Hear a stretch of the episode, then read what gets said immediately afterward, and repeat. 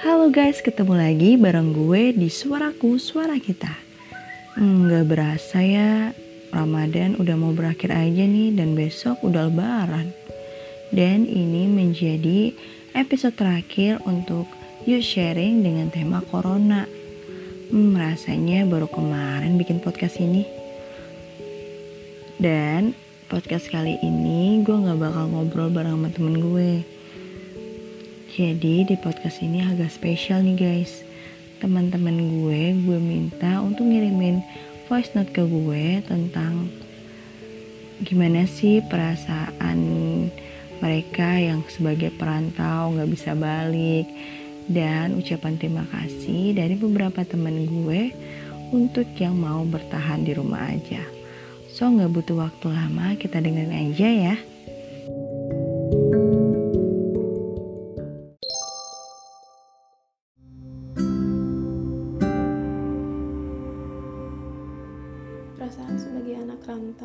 Sampai saat ini nggak bisa balik atau pulkam gara-gara corona ya. Um, sebelumnya, halo gue Leni, sekarang kerja di Jakarta tapi stay di Depok. Gue udah stay di Depok dari tahun 2013, asal dari kota Tasik, Tasikmalaya.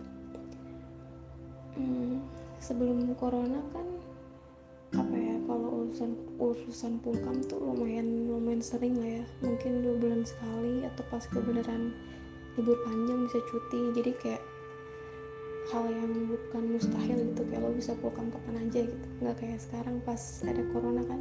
Buru-buru mikirin bisa balik mikirin sehari-hari aja gue udah pusing. Um, awalnya mungkin bukan cuma gue ya yang mikir kalau wabah kayak begini ah pasti bakal bentaran atau nggak bakal lama. Awalnya juga gue ngira terlebih urusan kantor kan kayak nggak bakal kenal nggak bakal ada efek apa apa gitu. Tapi turn out really bad untuk sekarang karena corona ini. Even even gue dan teman-teman dikasih WFH uh, tapi efek dari corona yang lain adalah yang paling berasa bagi gue dan kehidupan sehari-hari itu pekat atau pengurangan salary yang uh, lumayan bikin nyesek. Tapi yang ya itu juga yang bikin paling cukup ya cukup untuk bayar kosan paling dan ya makan cuman beberapa hari. Kayak nggak bakal cukup buat sebulan juga sih. Kalau dihitung-hitung segede itu pekatnya sampai sekarang gue juga masih speechless soal ini.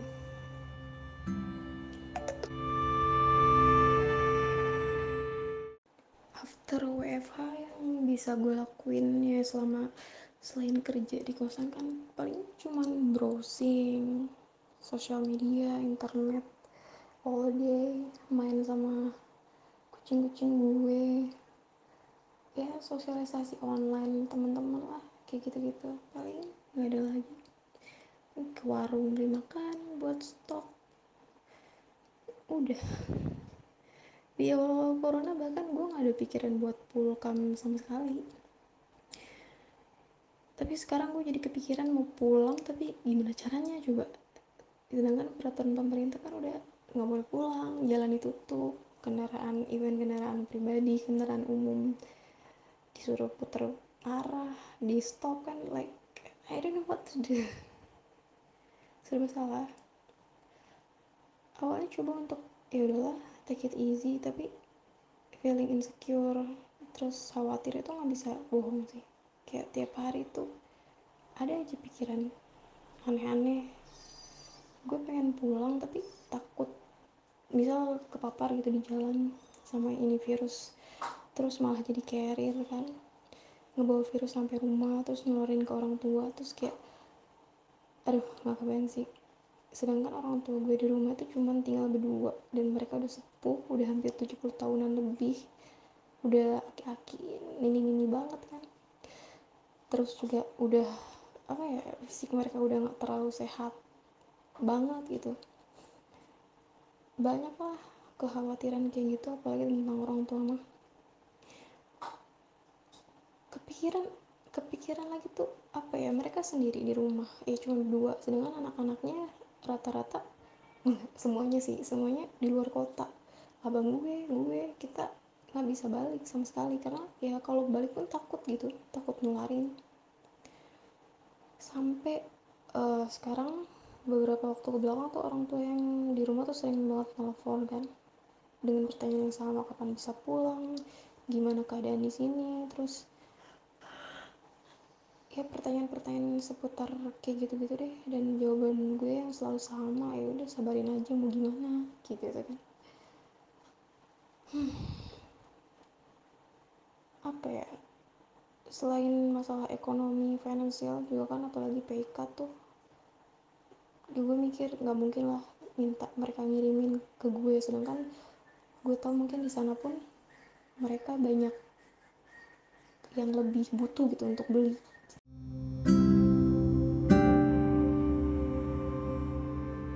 perasaan aku sebagai anak rantau nggak bisa balik karena corona yang pastinya sedih. Terutama ini my first time lebaran idul fitri nggak bareng sama orang tua sama keluarga nggak di kampung halaman sendiri. Hmm, cuman ya ikhlas harus ikhlas. Karena memang udah jauh hari sih sebelum puasa uh, semenjak mulai WFH sih tepatnya itu udah mulai nyiapin mental. Kalau kayaknya ini punya feeling kayaknya nggak bisa balik buat mudik. Dari mama juga yang sering telepon nanyain kapan balik kapan balik? Nah aku juga yang susah buat ngasih kayak kepastian gitu. Padahal sebenarnya kan bisa aja lima hari sebelum lebaran tapi aku ngerasa kayak nggak bisa aja gitu balik. Nah uh, selain itu juga ada banyak hikmahnya sih. Dan ya kalau aku sendiri ngambilnya dari sisi segi positif ya bisa jadi pembelajaran pengalaman hidup baru ya kan? Uh, udah maksimal lah maksudnya bukan maksimal sih kayak ya udah jadi lengkap lah uh, hidup gitu. Ngerasain gak lebaran sama orang tua kerja jauh dari orang tua nanti kan juga kalau nikah ya pasti kan nggak sama orang tua nggak bisa sama orang tua terus kan lebaran. Terus juga hmm, nggak hmm, mau juga jadi carrier sih sebenarnya takut bawa itu. Soalnya kan aku pasti naik pesawat. Ya kita nggak tahu nanti di tengah jalan kayak di dalam pesawatnya atau di bandaranya uh, ada virus itu gitu larangan mudik itu sangat-sangat efektif ya. Soalnya kalau sampai nggak ada larangan pasti bakal muncak banget orang-orang pada mudik. Apalagi kan banyak yang sekarang ini yang kerja banyak di PHK otomatis daripada mereka di kota tersebut ya mending balik kan ke kampungnya. Nah jadinya kan kot uh, daerah yang mereka datengin itu yang mungkin awalnya uh, kasusnya hanya sedikit jadi bisa banyak. Dan untuk aku sendiri ngelihat kebanyakan orang-orang Indonesia itu kurang disiplin kurang tegas sama masalah dan kasus ini. Jadi ya uh, dengan alasan isolasi-isolasi itu menurutku kurang efektif sih. Karena melihat hmm, banyak juga orang yang ya udahlah gitu kan. Nah jadi ya emang udah paling tepat sih larangan ini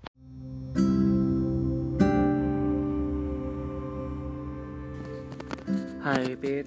Hmm, Perasaan gue Sebagai anak rantau Yang biasanya di bulan Ramadan emang ketemu keluarga ya. Walaupun dalam Walaupun ketemunya cuma awal dan akhir Ramadan doang gitu ya. Hmm, Ya sedih sih udah pasti. Udah jelas pasti. Sedih. Yang biasanya awal Ramadan itu Bisa sahur bareng keluarga pen Dari tempat gue ngerantau ke rumah itu 3 jam sampai 5 jam lah ya perjalanannya. Dan sekarang gue nggak bisa ngapa-ngapain. Lihat kondisi sekarang juga Bandung PSBB hmm, terus emang transportasi ke sana dibatesin bahkan kereta itu udah nggak bisa nggak bisa dipakai sama sekali. Bahkan katanya kan per, per 20 tanggal berapa gitu? Tanggal 20 kemarin bahwa kereta tidak ada operasional lagi gitu. Kalau ke tempat tujuan gue sih dari pertengahan April emang udah ditutup. Nggak boleh ada kereta yang eh, menurunkan penumpang di stasiun di sana gitu.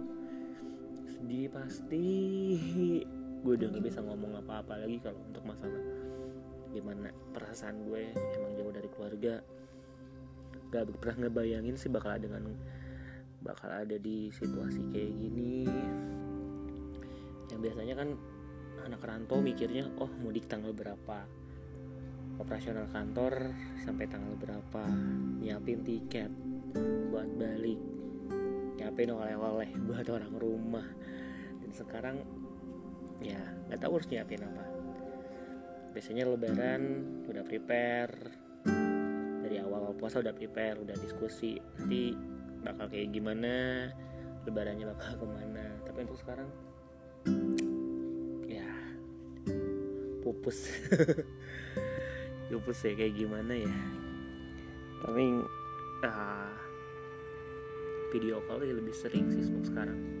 Kayak ngebangunin sahur gitu. Lihat mereka lagi pada buka di rumah buka puasa di rumah. Kayak sedih sih sebenarnya. Terus uh, gue juga awalnya sih kalau untuk masalah mudik awalnya ngejelasinnya susah sih ke orang tua. Tapi gue pelan ngejelasin mereka ngerti daripada gue balik mudik dan status gue langsung ODP kayak gitu makanya 14 hmm, hari gue gak, gak, gak boleh ke mana-mana kan. Mungkin lo juga pernah ngalamin lah kalau mudik itu lo langsung ada isolasi mandiri kayak gitu. Hmm, terus kalau menurut gue sih emang larangan mudik itu ngaruh ke penyebaran virus atau ke status PDP atau ODP itu sangat ngaruh ya gitu karena kan di perjalanan juga nggak tahu kan kita bersentuhan dengan siapa atau bers uh, senggolan sama siapa atau kita duduknya bekas siapa gitu. Even kita udah sehat kayak gimana kita kan nggak tahu di perjalanan ada yang terpapar atau enggak gitu. Atau ada orang-orang tanpa gejala. Kayak gitu sih sebenarnya. Yang kita rasain oh santai kok di jalan nggak ada apa-apa. Sehat-sehat orangnya gitu walaupun ada pembatasan di bis itu atau di uh, di mobil itu hanya berapa orang tapi kita kan nggak tahu di SPBU atau di rest area apa pun. Atau kita istirahat masuk minimarket atau apa pun juga nggak tahu ya gitu. Karena emang tak kasat mata sih menurut gue jadi agak lebih ribet ya. Gitu kalau banyak yang mudik otomatis penularannya akan lebih luas sih menurut gue kalau dilarang penyebaran penularannya juga mungkin bisa diminimalisir ya gitu. Hmm, semoga aja lah ya cepat berakhir. Dan bener-bener efektif sih ya si larangan mudiknya. Semoga juga benar-benar tegas sih dari pemerintahnya untuk melarang mudiknya itu. Kayak sekarang tuh banyak yang main kucing-kucingan. Yang gue lihat ya yang banyak yang main kucing-kucingan buat ngelabuin petugas biar mereka masih tetap bisa ngelaksanain mudik gitu. Hmm, berat sih sebenarnya. Gak pernah nyangka dapat situasi kondisi kayak gini nggak bisa mudik. Apalagi dengan kondisi bulan puasa bulan ramadan cukup cukup berat. Harus ekstra sabar pokoknya ya. Oke. Okay sampai merebes gue ceritanya kalau masalah kayak gini dan masalah keluarga buat sharingnya ya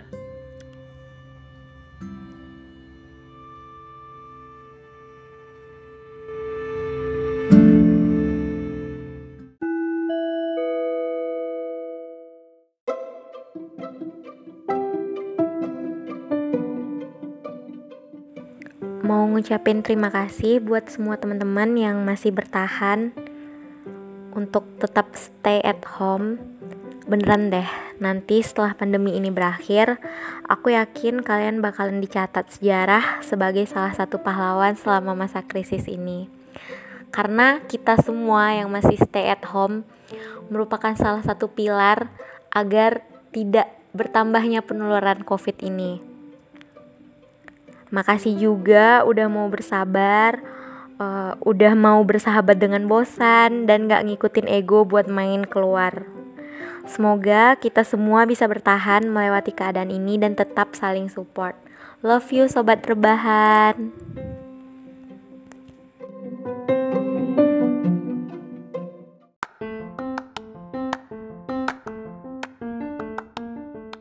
Nah, bener banget. Dan untuk anak perantauan yang masih bertahan di perantauannya, terima kasih ya sudah mau mengurungkan niatnya untuk tidak balik kampung.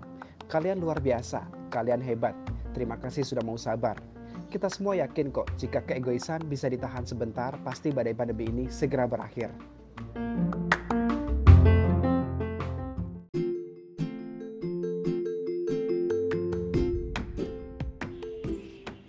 Oh iya, satu lagi. Untuk para garda terdepan, terima kasih juga ya. Meskipun ada pembahasan mengenai konspirasi yang kita nggak pernah tahu itu benar atau salah.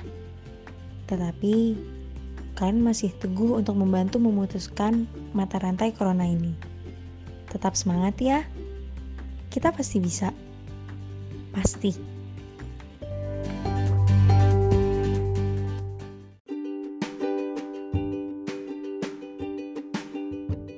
Nah, benar banget guys, kita bisa kok, kita pasti bisa memutuskan tali mata rantai ini jika tetap terus bersama untuk bertahan di rumah aja dan meninggalkan egonya sebentar lagi. Hmm, untuk teman-teman gue yang masih tertahan di perantauan, kalian hebat, kalian pasti bisa kok. Hmm, gue yakin keluarga juga pasti ngerti alasan kalian untuk tidak balik hmm, mereka tahu ini bukannya keinginan kalian tapi emang kondisi yang menahan kalian untuk tetap bertahan di rumah aja. Makasih ya untuk untuk tetap menahan egonya agar tidak balik kampung.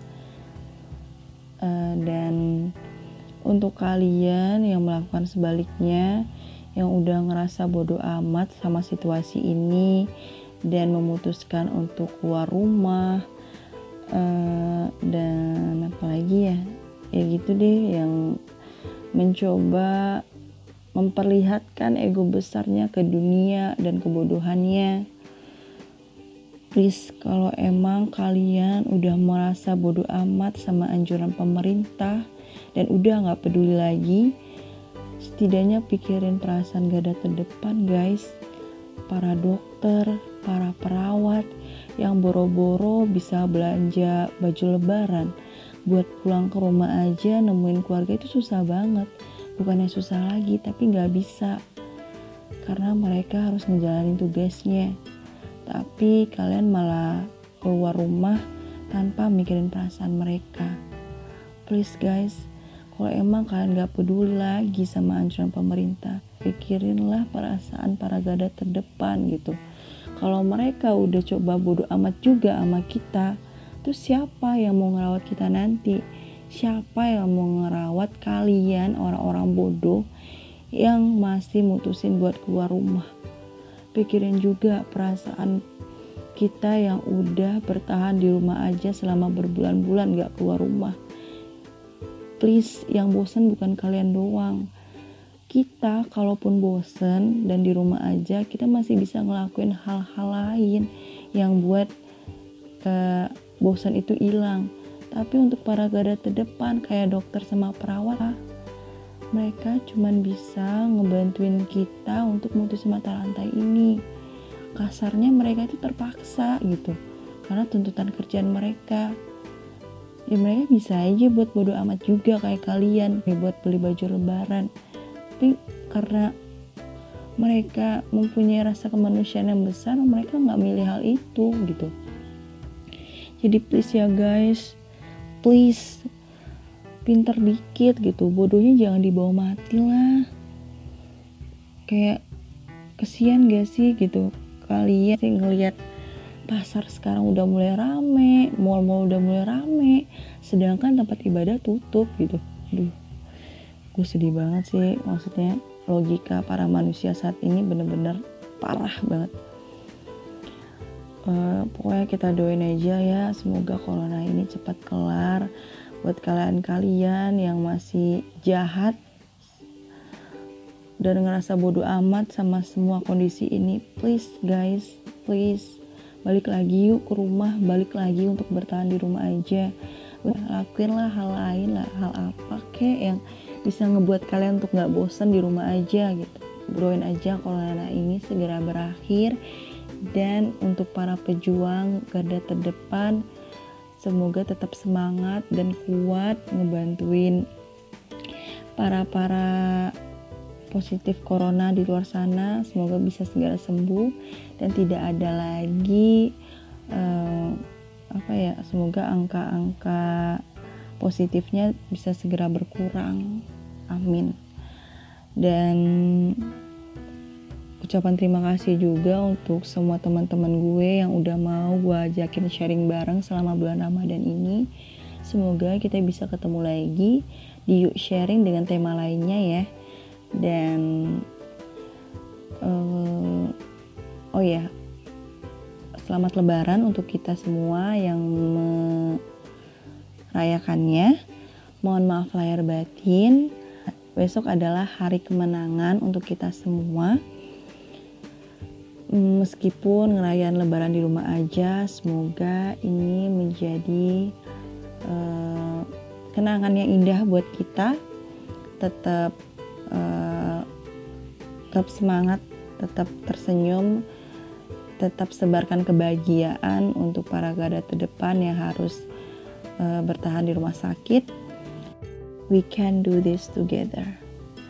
Um, and enjoy to my podcast Don't forget to share to your other friends. And see you to the other episode. Bye-bye. Mohon maaf lahir batin ya, dan selamat lebaran.